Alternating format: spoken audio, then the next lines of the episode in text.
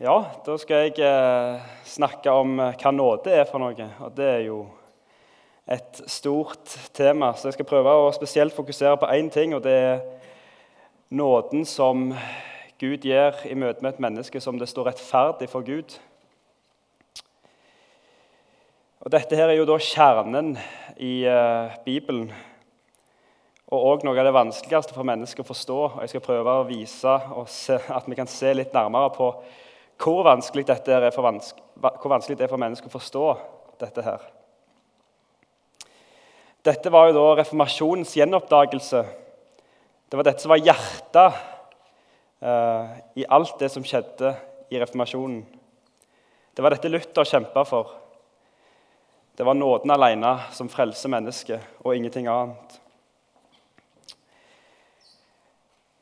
Jeg har nå nettopp hørt uh, gjennom denne her uh, samtalen, eller bare fra Luthers side, da, samtalen han hadde med Erasmus om uh, viljen og om nåden, da, om du kan si det sånn.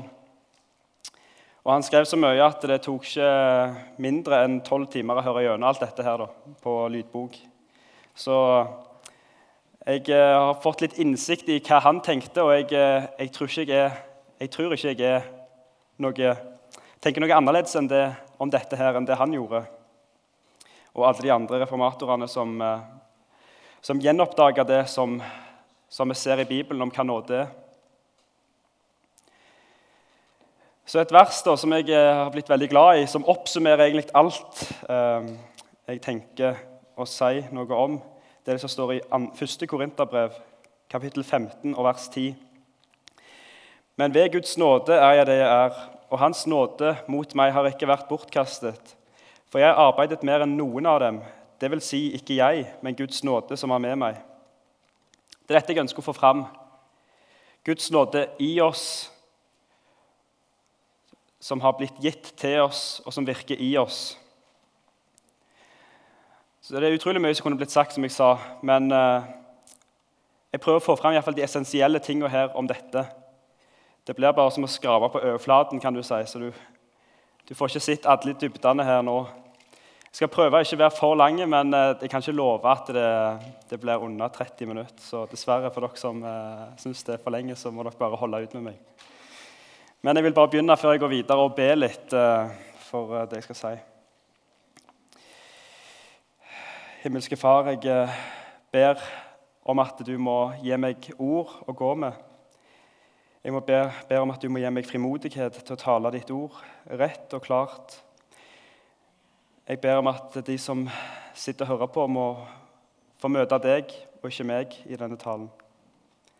Og At de må få se hvem du er, Jesus, og at de kan få tilgang til ordet gjennom ditt ord. Amen.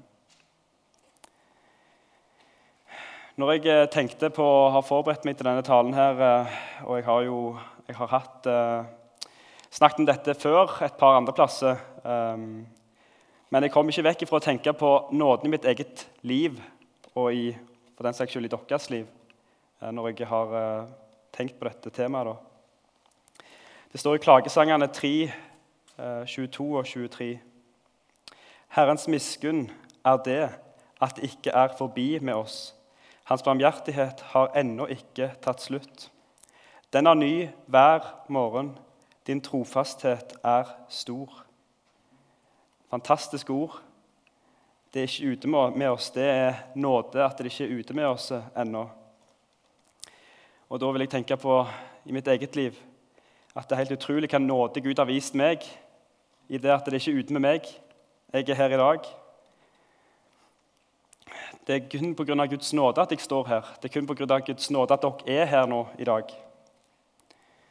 Hvis du har klær, hvis du har mat, hvis du har venner, familie, søsken, ektefelle, barn, hva enn det måtte være det er Alt det av Guds nåde. Det er ingenting av dette som er fortjent. Vi fortjener helt andre ting. Vi fortjener noe som er mye verre. Vi fortjener dom. Vi fortjener helvete pga. det oppgjøret vi har gjort, opprøret vi har gjort med Gud. Så det er ikke rettferdig at jeg står her. Det er ikke rettferdig at du sitter her, men det er nåde som gjør at vi sitter og står holdt på å si, her i dag. Så dette her er ufattelig store ting. Vi er inne på, på, måte, vi er inne på noe som på en måte toucher livet her, som er ganske, ganske sånn nært. da. Så Nå vil jeg gå til ordet da, og se hva som står i, i et vers her i Hebreerne 4, 16. La oss da med frimodighet tre fram for nådens trone, for at vi kan få miskunn og finne hjelp og finne nåde til hjelp i rett tid. Så her har vi da en, en trone som behandler oss bedre enn vi fortjener. Altså nådens trone, som både gir miskunn eller barmhjertighet eller tilgivelse og nåde og gir hjelp i rett tid. Nåde er både en tilbøyelig i Gud, eh, en karakter i Gud, som gjør at Gud behandler oss bedre enn vi fortjener. Og i utvidelsen av det da, så blir det til praktisk hjelp i våre liv, som òg blir nåde, for det er like ufortjent som den stillingen vi blir satt i av Gud i Kristus. Så nåden er kraft og en gjerning som Gud gjør, som virker i oss til å forandre vår kapasitet for jobb, lidelse og lydighet til Gud, til Han. For det ser vi jo òg, som jeg leste i 2. Korinterbrev kapittel 15-10, som jeg leste i starten. Så vi ser to ting, både en karakter i Gud og en kraft i Gud som virker i våre liv. Så Først vil jeg bare ta, si litt om karakteren. Det er nåden som er en del av Gud, som jeg har nevnt allerede. Det betyr at han kan virke i mennesket på den måten at, ikke lenger, at vi ikke lenger er under Guds vrede og dom. Så da når vi har fått den stillingen i Kristus som gjør at vi ikke lenger står under Guds vrede og dom, så har vi tilgang til krafta som Gud har i sin nåde, som han gir oss i sin nåde. Så da kan vi tre fram for nådens trone, som gir oss hjelp i rett tid. Og Da er vi over på den andre kategorien, eller den andre delen da, av Guds nåde, om du vil, som er i, kristens, i en kristens liv. Så da må vi justere oss inn på det som har med det å gjøre. Fra stilling til Guds nådes kraft som gir kraft til lydighet og leve rett for Gud. Som jeg sa allerede, at Nåde er ikke bare noe som Gud har som en karakter i seg sjøl, men det er òg noe som resulterer i at vi, at vi gir praktiske følger i livet, som at vi følger Han i våre liv. Så hvis Kort oppsummert, da, vi skal prøve å koke den ned, hva ville vi sagt om nåden hvis vi skulle bare forklart det enkelt og greit? Nåde er gratis og ufortjent. Og det er rett og sant, og det er ikke galt å si det. Nåde er ufortjent tjeneste og gjerning fra Gud. Og det er på tross av den vi er. Og nåden er ikke et mysterium. Det er ikke noe mystisk. Eh, men det er at du får, når du får nåde, så får du faktisk Jesus Kristus sjøl. Så når du kommer til Gud og ber om nåde, så får du Jesus. Du får Jesus sjøl. Så når vi da tenker på det verset som vi las, så kan vi tenke på det at når vi går foran denne tronen, så går vi foran Jesu trone. For det er han som er nåden i Guds hjerte. Så jeg vil gå litt, eh, enda litt dypere nå, da. Hvis noen henger med her, så prøver vi på det. Jeg vil gå til, tilbake litt da, for Hvis vi ser på nådens åpenbaring, for det er en åpenbaring fra begynnelsen til slutt holdt jeg på å si, om nåden i Bibelen. I 1. Peter 1,10 så står det om denne frelse var det profetene gransket og ransakte, de som profeterte om den nåde som dere skulle få. Så nåden er på en måte som en soloppgang. Som på en måte blir, Det blir klarere og klarere for oss hva denne nåden er.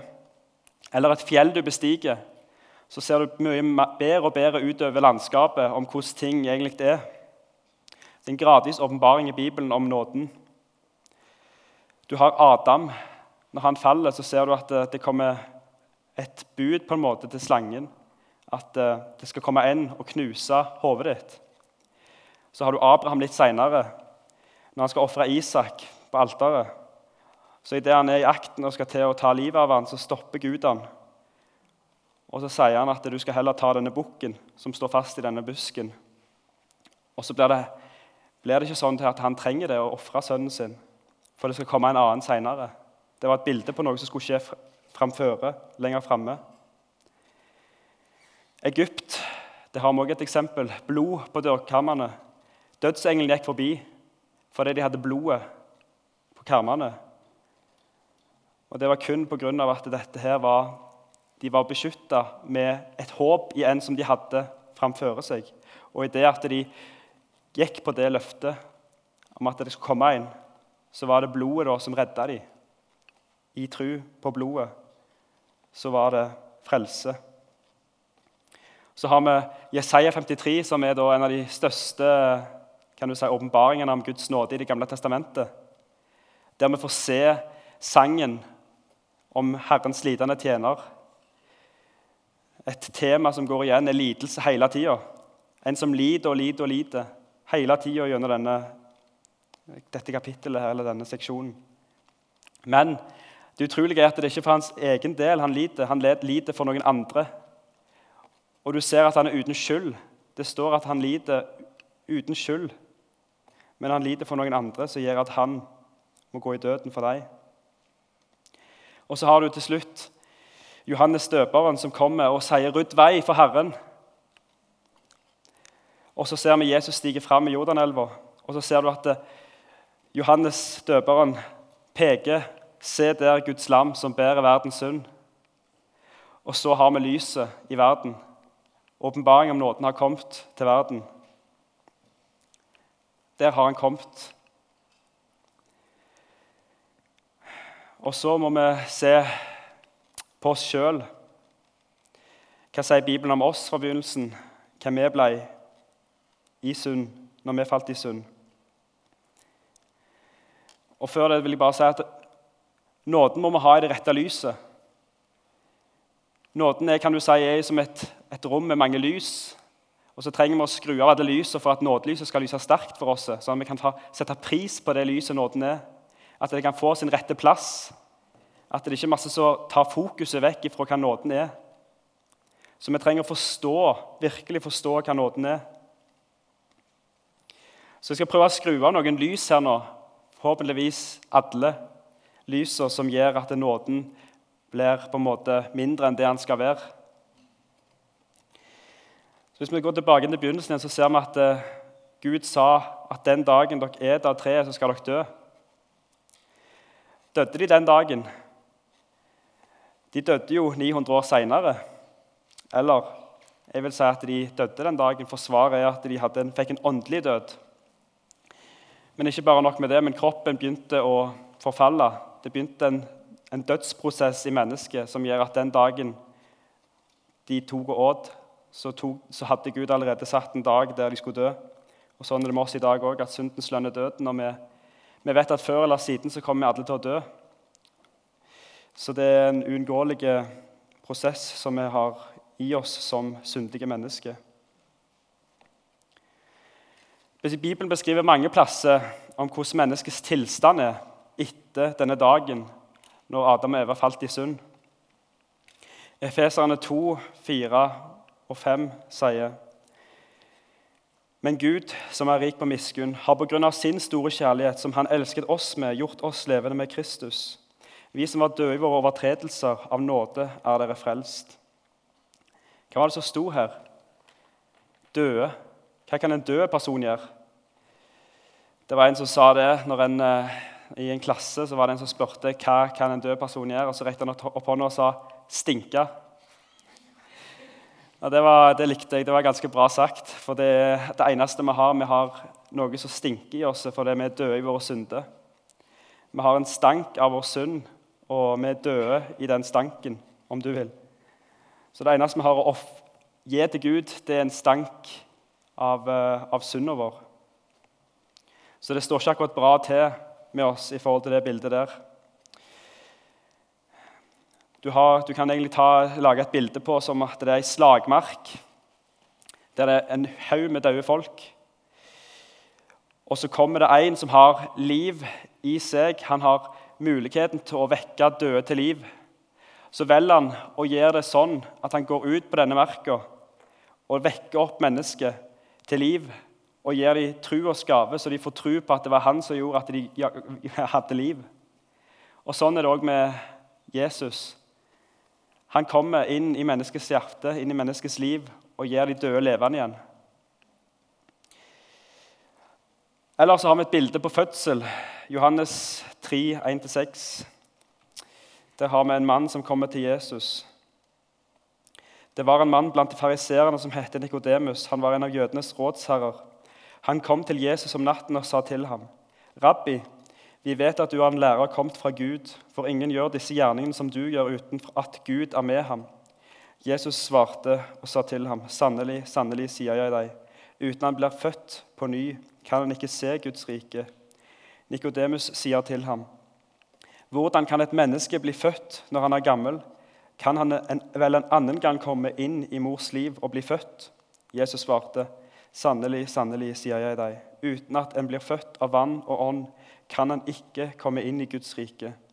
Det som er født av kjød, er kjød, og det som er født av ånd, er ånd. Så Det viser her igjen at det er umulig, for ingen kan føde seg sjøl. Det er helt umulig å bare plutselig finne ut at nå skal jeg bli født. Det var noe som skjedde, og du først i ettertid, når du ble med bevissthet, så fant du ut at du er et menneske som ble født av din mor. Så dette her er jo også et, et annet bilde på dette her, som har med frelsen å gjøre. Du kan ikke gjøre noe til og fra med din fødsel her på jord, og du kan heller ikke gjøre noe til og fra med den åndelige fødselen. Og ikke bare nok med det, men vi har også andre plasser i Bibelen der det står om at mennesket hater Gud i sin natur, av sin natur. Johannes 3, 20. For den som gjør det onde, hater lyset og kommer ikke til lyset for hans gjerninger ikke skal bli avslørt. Hvem var lyset? Johannes 1. I begynnelsen var Ordet, Ordet var hos Gud, og Ordet var Gud. Han var i begynnelsen hos Gud. Alt er blitt til ved ham. Uten ham er ikke noe blitt til av alt som er blitt til. I ham var liv, og livet var menneskenes lys. Jesus var dette lyset som kom til verden, og de ville ikke ta imot ham. Så vi har åndelig død, gudshatere, og det er ingen unntak. I Romerne 5,12 så står det Derfor, like som synden kom inn i verden ved ett menneske, og døden slik trengte igjennom til alle mennesker, fordi de syndet alle. Så alle har synda. Romerne 3, 11 og 12 sier det er ikke én som er forstandig, det er ikke én som søker Gud. Alle har veket av, alle sammen har blitt udugelige. Det er ikke én som gjør det gode, ikke en eneste. Så han bare punkterer om igjen og om igjen her at det er ingen som søker Gud. Det er ingen som har lyst på noe med, hans, med han å gjøre. Det er ingen som har lyst på noe som er hans. Ikke en eneste til slutt. Johannes 8, 45. Her har vi liksom òg en som jeg syns er veldig sånn tydelig og bare setter meg tilbake. Jesus sier, 'Men fordi jeg sier sannheten, tror dere meg ikke.' Han sier at det han sier sannhet hva, Skulle vi ikke trodd at hvis han sa sannheten, så skulle vi få trodd han? Og han, av alle mennesker på denne jord, var Gud sjøl, og ingen andre kunne sagt sannheten så tydelig og klart som Jesus sjøl. Og når han sier sannheten, da vil de for det om ikke tro det. Og han var jo sannheten sjøl. Men de ville ikke tro det fordi de hata lyset, de hata sannheten, de hata alt som var med Jesus fordi deres sinn var onde og ville ikke komme til lyset. Så det store spørsmålet blir da Hvordan i all verden kan jeg begynne å tro på Gud, på Gud og følge Han? Det er en, dette er jo den guden som jeg hater med alt som er i meg av naturen min. Hvordan kan jeg bare begynne å elske Han og ønske å leve etter Hans vilje og lese Hans ord og følge meg med det Han har, det som er godt og sant og rett? Svaret kan du finne f.eks. i Efeserne 2,8. For av nåde er dere frelst ved tro, og dette er ikke av dere selv, det er Guds gave. Så hvis Han gir denne gaven i sin nåde og frelser oss, så kan en gudshater bli en som elsker Gud. Vi har fått den nåde å tro på Han. Og det er kun nåde, ingenting annet. Det var dette reformasjonen handla om. Djupest sett så var det dette alt handla om. At han måtte komme inn i våre liv og skape tru. Gjenoppdagelsen av nåden alene. Ok, så da må vi se litt nærmere ja, på noen vers i Romerne 11, 4-6. Og Her er settingen at eh, Elias, profeten, klager til Gud. Det er ingen igjen. Alle har bøyd kne for Baal. Men så sier Gud til ham Jeg har latt det bli tilbake en rest for meg, 7000 mann som ikke har bøyd kne for Baal. På samme vis er det også i denne eh, tid som nå er, blitt igjen en rest i kraft av Guds nådes utvelgelse. Men er det nåde, da er det ikke mer av gjerninger. Ellers blir nåde ikke lenger nåde.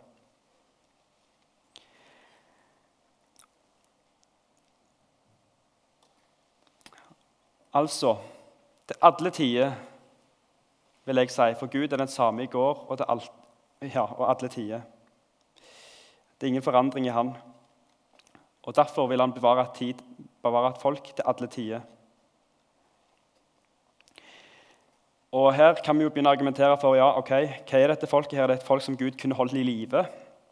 Og Da vil jeg svare nei, for det at vi ser videre i vers, hvis vi ser i vers 4 igjen, som ikke har bøyd kne for Baal. Altså, det er en avgud. Det er avgudene. De har ikke bøyd kne for avgudene, men de følger Israels gud. De var med han. De var med Gud, han som var, med, han som var Abraham og Isak og Jakobs Gud. Så pga. Guds nåde så valgte han å frelse 7000 åndelig sett til evig liv. Det er svaret som vi får fra dette, dette som Paulus sier her. Og det var noe han gjorde, som vi ser. På samme måte gjør han det òg i dag. Menneskehjertet er det samme. Menneskehjertet trenger den samme nåden som Paulus trengte, som Bibelen beskriver her. Og Paulus har en brann for å få dette fram, for ellers hadde han ikke skrevet det. At Gud er suveren i frelsen. Det er ikke noe synergisme, altså to stykker som opererer her i frelsen. Det er monagisme. Det er én som opererer. Gud er den som frelser mennesket. Og Derfor ser vi videre i vers 6 men er det av nåde, er det ikke lenger av gjerninger. Eller blir nåde ikke lenger nåde? Så denne nåden er nødvendig for mennesket. Og det er det vi må forstå, at det er ikke sånn at dette her er noe sånn tor doktrine. Men denne nåden er nødvendig for mennesket, for hadde ikke Gud operert på denne måten, her, så hadde ingen blitt frelst. Så vi må takke og prise Gud for denne nødvendige, livsnødvendige nåden som vi kan få av Gud. Så jeg vil bare si, Her kommer den viktige viktig nøkkelsetning. så hør etter nå i hvert fall. Hvis vi tenker at vår tro er på Jesus, eh, på Jesus var vår prestasjon, så er det ikke lenger nåde. Hvis det er noe vi tenker at vi oppdrev ei tro på Han, vi ble overbevist fordi at vi hadde så vanvittig gode tanker om eh, ja, at vi forsto ting sånn som det var i rett forstand, så er det feil.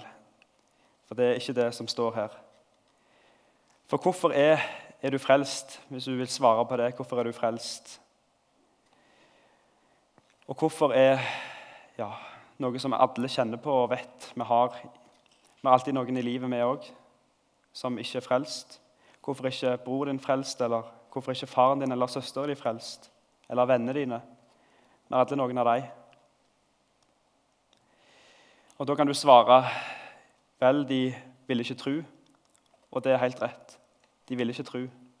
Det er sant og rett å si. Men dypere nede, hvis vi går til naturen til mennesket, hvorfor vil de ikke tro? Da har vi svaret her, som Paulus sier. For de er åndelig døde. De hater Gud. Jo, for Gud har ikke gitt dem sin nåde, sånn at de har blitt frelst. Hvis du svarer noe annet, så er det nødt til å falle tilbake på oss, at vi er den avgjørende faktoren, at vi kan frelse oss sjøl til syvende og sist. Men da er ikke nåden lenger nåde, for da, vi ha, da har vi muligheten til å frelse oss sjøl. Iallfall ikke den nåden som Paulus snakker om her, eller Bibelen snakker om andre plasser. Men noen vil svare at dette her er ikke rettferdig. Det kommer opp om igjen og om igjen. Og Da sier jeg ja, det er sant. Men jeg vil snu litt på det. For hvis Gud skulle være rettferdig, så skulle han sendt alle vi som sitter her, og alle andre mennesker til helvete. Det er rettferdighet. Hvis Gud valgte å frelse én person, så hadde han vært nådige. Nåde over nåde. Men nå har han gjort det sånn at han ikke bare frelser én person, men en skare mennesker som ingen kan telle, som vi ser i åpenbaringsboka. Det er nåde. Og Hvis han hadde valgt å la oss alle være tilbake igjen, ingen ble frelst, så han hadde fortsatt vært rettferdige, god og alt det andre. Han hadde bare ikke vist sin nåde, og han hadde ikke trengt å gjort det. Han ga ingen frelsesvei til englene som falt. De ble dømt til døden. De ble dømt til helvete. Men han ga oss en frelsesvei. I sin nåde så gjorde han det. Og Dette her er viktig. Paulus beskriver her i vers 6 en kontrast mellom nåde og gjerninger. Han ekskluderer alt av våre gjerninger. Så du har våre gjerninger på ene sida, eller oss, hele mennesket, og så har du nåden på andre sida. Så hvis vi er den avgjørende stemmen, så er vi ikke frelst av nåde. Guds nådes utvelgelse, som Paulus, ordet Paulus bruker her. Eh, som han sier i vers 5. For hva mening ville disse ordene gitt da, hvis vi hadde den avgjørende stemmen? Da hadde det vært vår eh, valg, og ikke hans valg. For da hadde vi bestemt oss for å bli frelst, og ikke han. Og Da ville Gud vært en respondert på oss, og da er det ikke lenger nåde. Og hvorfor det? Vi bare kan trykke litt, enda, enda litt mer på denne her, da. Eh, da vil jeg eh, gå tilbake til Luther. for det, når jeg hørte på noe han sa, så ble dette her veldig klart for meg. Da sa han noe Jeg skal prøve å kan du si, gitt, eh, fritt eh, gjenfortelle det eller oppsummere litt av det han sa. Da. Han brukte mye lengre tid på dette og utbrodere det jeg skal si nå. Så jeg skal prøve å si noe her nå. Ok, Dette her er sånn halvveis eh, Luther med litt blanda meg. da. Hvis du kan velge å bli frelst, så er det noe godt i deg som kan redde deg sjøl. Og dermed så har ikke Gud grunnlag for å sende hele deg til helvete, bare den delen av deg som er ond. Og dermed så har du kraft i deg sjøl til å frelse deg sjøl. Og derfor skal du ha æren for frelsen og ikke Jesu offer. Og derfor er Jesu offer bortkasta. For hvis det er sånn at mennesket da har noe i seg, noe godt i seg, som Bibelen er veldig tydelig på at vi har ingenting godt i oss sjøl, så er det gode av oss sjøl. Det kan ikke Gud dømme til helvete. Og dermed så De som da går til helvete Hvis hele mennesket går til helvete av de som går fortapt, så er Gud urettferdig, for det er noe godt i det mennesket som han har dømt til helvete. For trua er ikke det noe av det beste et menneske kan gjøre hvis det er å oppdrive oss sjøl. Det er den beste gjerningen vi kunne gjort. Så da er det noe veldig godt i oss sjøl som kan tro på Jesus. Så det ble veldig sånn, øyeåpnende for meg, det Luther sa der. Veldig øyeåpnende. Det har vært tre eh, syn på dette her gjennom kirkehistorien. Mennesket frelser seg sjøl, Gud og menneske, og Gud.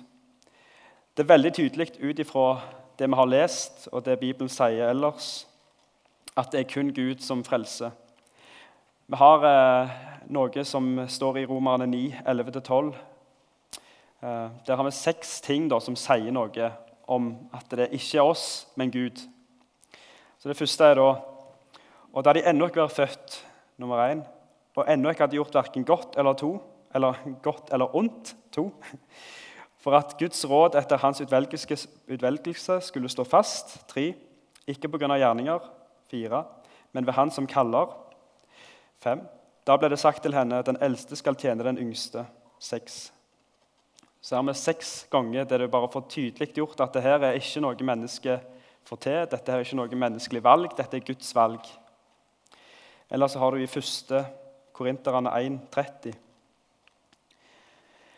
For det er Hans verk at dere er i Kristus Jesus, Han som for oss har blitt visdom fra Gud, rettferdighet og helliggjørelse og forløsning, for at, som skrevet står, den som roser seg, han roser seg i Herren. Grunnen til dette her er sånn, det er fordi at vi skal dette, og en del av det, det er at vi skal rose oss i Han og ikke i noe vi har gjort. Så hvordan kan Paulus være så sikker da, på at det kan være noen kristne når Jesus kommer tilbake? For Vi ser videre i Roman 11 at han snakker frimodig om at Israel skal bli pota inn igjen på oljetreet. At hele Israel skal bli frelst en dag. Han er veldig frimodig på det. Og Det er jo kun pga. dette her, at det er Gud som frelser, ikke mennesket. For Han kan være frimodig med det at han vet at en dag skal han åpne opp øynene, så de kan få se hvem Jesus er. Det er pga. at Gud har valgt en dag der han skal frelse hele Israel, som blir en stor vekkelse. Så prøver jeg å begynne, Nå begynner vi å gå mot slutten her. Um,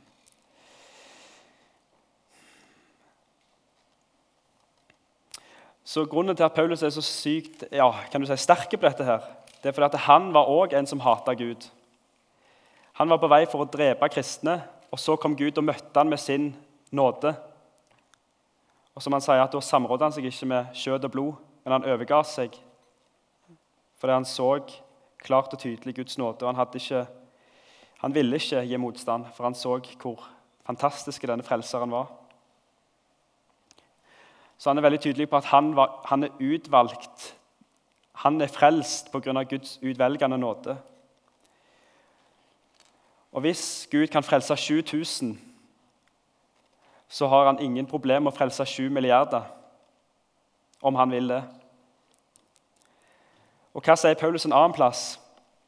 I 2. Timoteus 2,10.: Derfor utholder jeg alt for de utvalgtes skyld, for at også de skal få frelse i Kristus Jesus med evig herlighet. Det var derfor han utholdt alt. Det var derfor han eh, fikk piskeslag. Eh, opplevde skipsbrudd. Alt slags eh, forferdelige ting skjedde. For han var viss på det at Når han forkynte evangeliet til folk som ikke hadde hørt, så var det noen der som ville komme til tro på han, til tro på Jesus. Han holdt ut alt fordi han trodde at Jesus hadde kraft i si hånd til å frelse de menneskene som han sier her da, de utvalgtes skyld, som han kom til. Så vil jeg eh, til slutt da gå til det store spørsmålet hvorfor skapte Gud verden? Og Det har en eh, relevanse til, til, dette. her. Hvis vi ser i Efeserne 1,6, så står det til pris for sin nådes herlighet, som han ga oss i den elskede. Så du kommer ikke noe høyere opp hvis du skal spørre på en måte, hva er, hvorfor er verden her, hva, hva, hva, er grunnen til at Gud har skapt alt. Så kan du ikke gå noe høyere opp på en måte i, i innsikt om du vil, enn dette.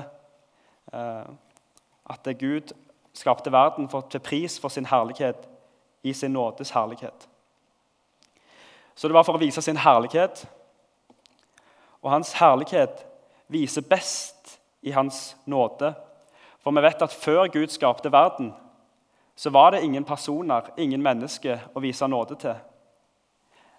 Før Gud tillot at det skulle bli et fall og synd, så var det ingen mulighet for han å vise sin nåde. Så For at han kunne vise sin nåde, så måtte han ha et, menneske som falt i synd, som han kunne dø for å vise sin nåde til. Og Denne nåden ser vi best i Jesus, i sin sønn. Og Denne nåden fokuserer inn på én plass i historien, og det er på korset. Der ser vi herligheten av Hans nåde tydeligst av alle plasser. Så det var dette Gud ønskte å vise menneskene, sin nåde og alt sentrerer rundt Jesus på korset, Så hele historien handler om Jesus Kristus korsfesta for syndere, for oss alle.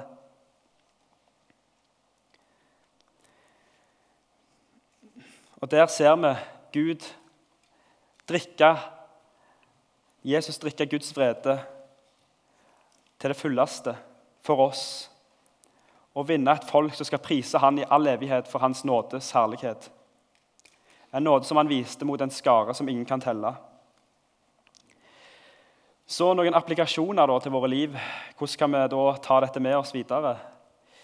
Det første jeg vil si, er å forstå denne utrolige nåden. Forstå at du er frelst av nåde. At vi var døde, vi var rebeller, vi var blinde. Men Gud kom med lys, han kom med liv, han kom med syn igjen til oss. Når du kommer til himmelen en dag og står foran Gud, og Gud spør 'Hvorfor er du her?' Hva svarer du da? Jo, fordi jeg var så smart at jeg klarte å tro på deg, og det gjorde ikke de andre. Nei, du kommer til å knekke sammen. Du kommer til å kan du si, grine og så si 'Takk, Gud. Det er på grunn av deg.' Det er på grunn av at du sendte din sønn, og det var på grunn av at du kom og skapte liv i meg. Det var det som er grunnen til at jeg står her i dag, foran deg, Gud. Så tenker jeg bare på hvor flott det ikke ville vært hvis vi var, et, vi var kristne som var knekt og ydmyka av Guds nåde. At vi så at vi ikke fortjente mer enn den verste kritikken, den verste baktalelsen og det som verre Alt det vonde som skjedde imot oss, var forventa. Og derfor klagde vi ikke over noe. Og alt det gode som kom vår vei, var kun fantastisk nåde, ufortjent. Jeg, er fall, jeg vet ikke med dere, men jeg er så utrolig opptatt av mine rettigheter, hva jeg fortjener. Alt som jeg skal ha. Og det er noe jeg hater med meg sjøl. Gjør ikke du? Charles Burgeon sa en gang hvis noen tenker vondt om deg, ikke vær sure på dem, for du er mye verre enn de tror du er. Det syns jeg er flott sagt. Og Nummer to be med frimodighet. Hvis vi, tror, hvis vi er et folk som tror at Gud kan frelse mennesket på tross av menneskets hat, menneskets blindhet, alt det vonde som er i mennesket overfor Gud, så kan vi be med frimodighet om at mennesket skal bli frelst. Fordi at han kan komme med sin nåde pga. vår bønn, fordi at bønn virker. Bønn fungerer. Det er ingen tvil om det. Men hvis mennesket da har opp, hvis, det er opp til, hvis det er opp til mennesket å frelse seg sjøl, så er det ingen vits å be, for at mennesket vil aldri tro på Gud, for de hater Gud. Men hvis mennesket kommer med sin forvandlende nåde inn i mennesket pga. vår bønn, så er det håp. Og nummer tre forkynn evangeliet.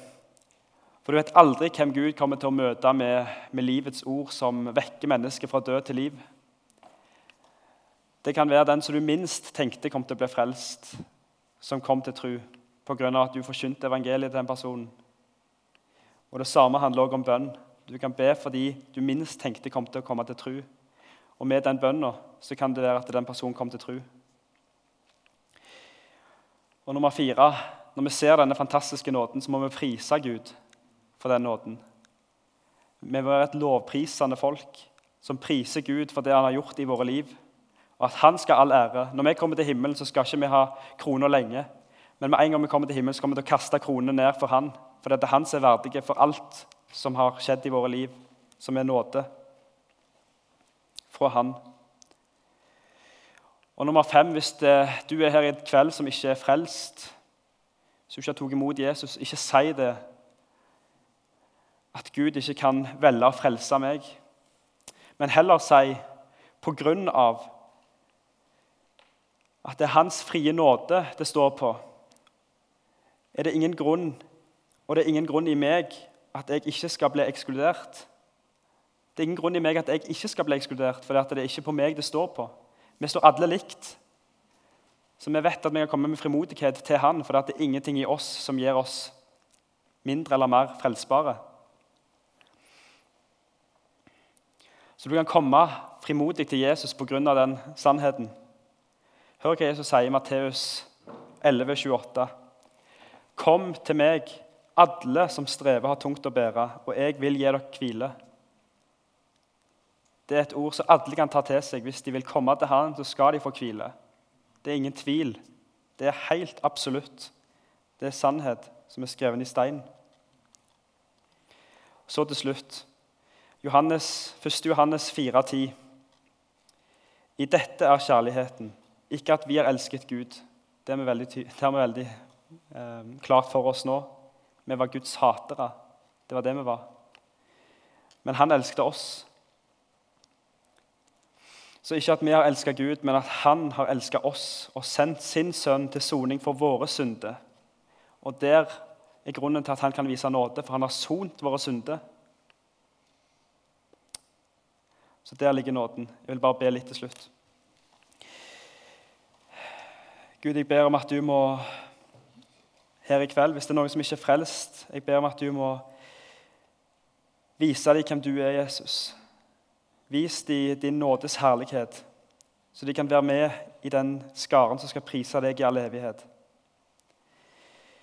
Jeg takker deg for det at vi kan komme frimodig framfor deg og be om disse tingene her, for vi vet at det er du som har krafta, det er du som har makta. Og det ser håpløst ut hvis ikke. Så jeg ber om det i kveld. Jeg ber om at det, det som bare var mine ord og mine tanker, jeg ber om at det skal falle til jord, og jeg ber om at, eh, om at du må heller bevare det som var ditt her i kveld.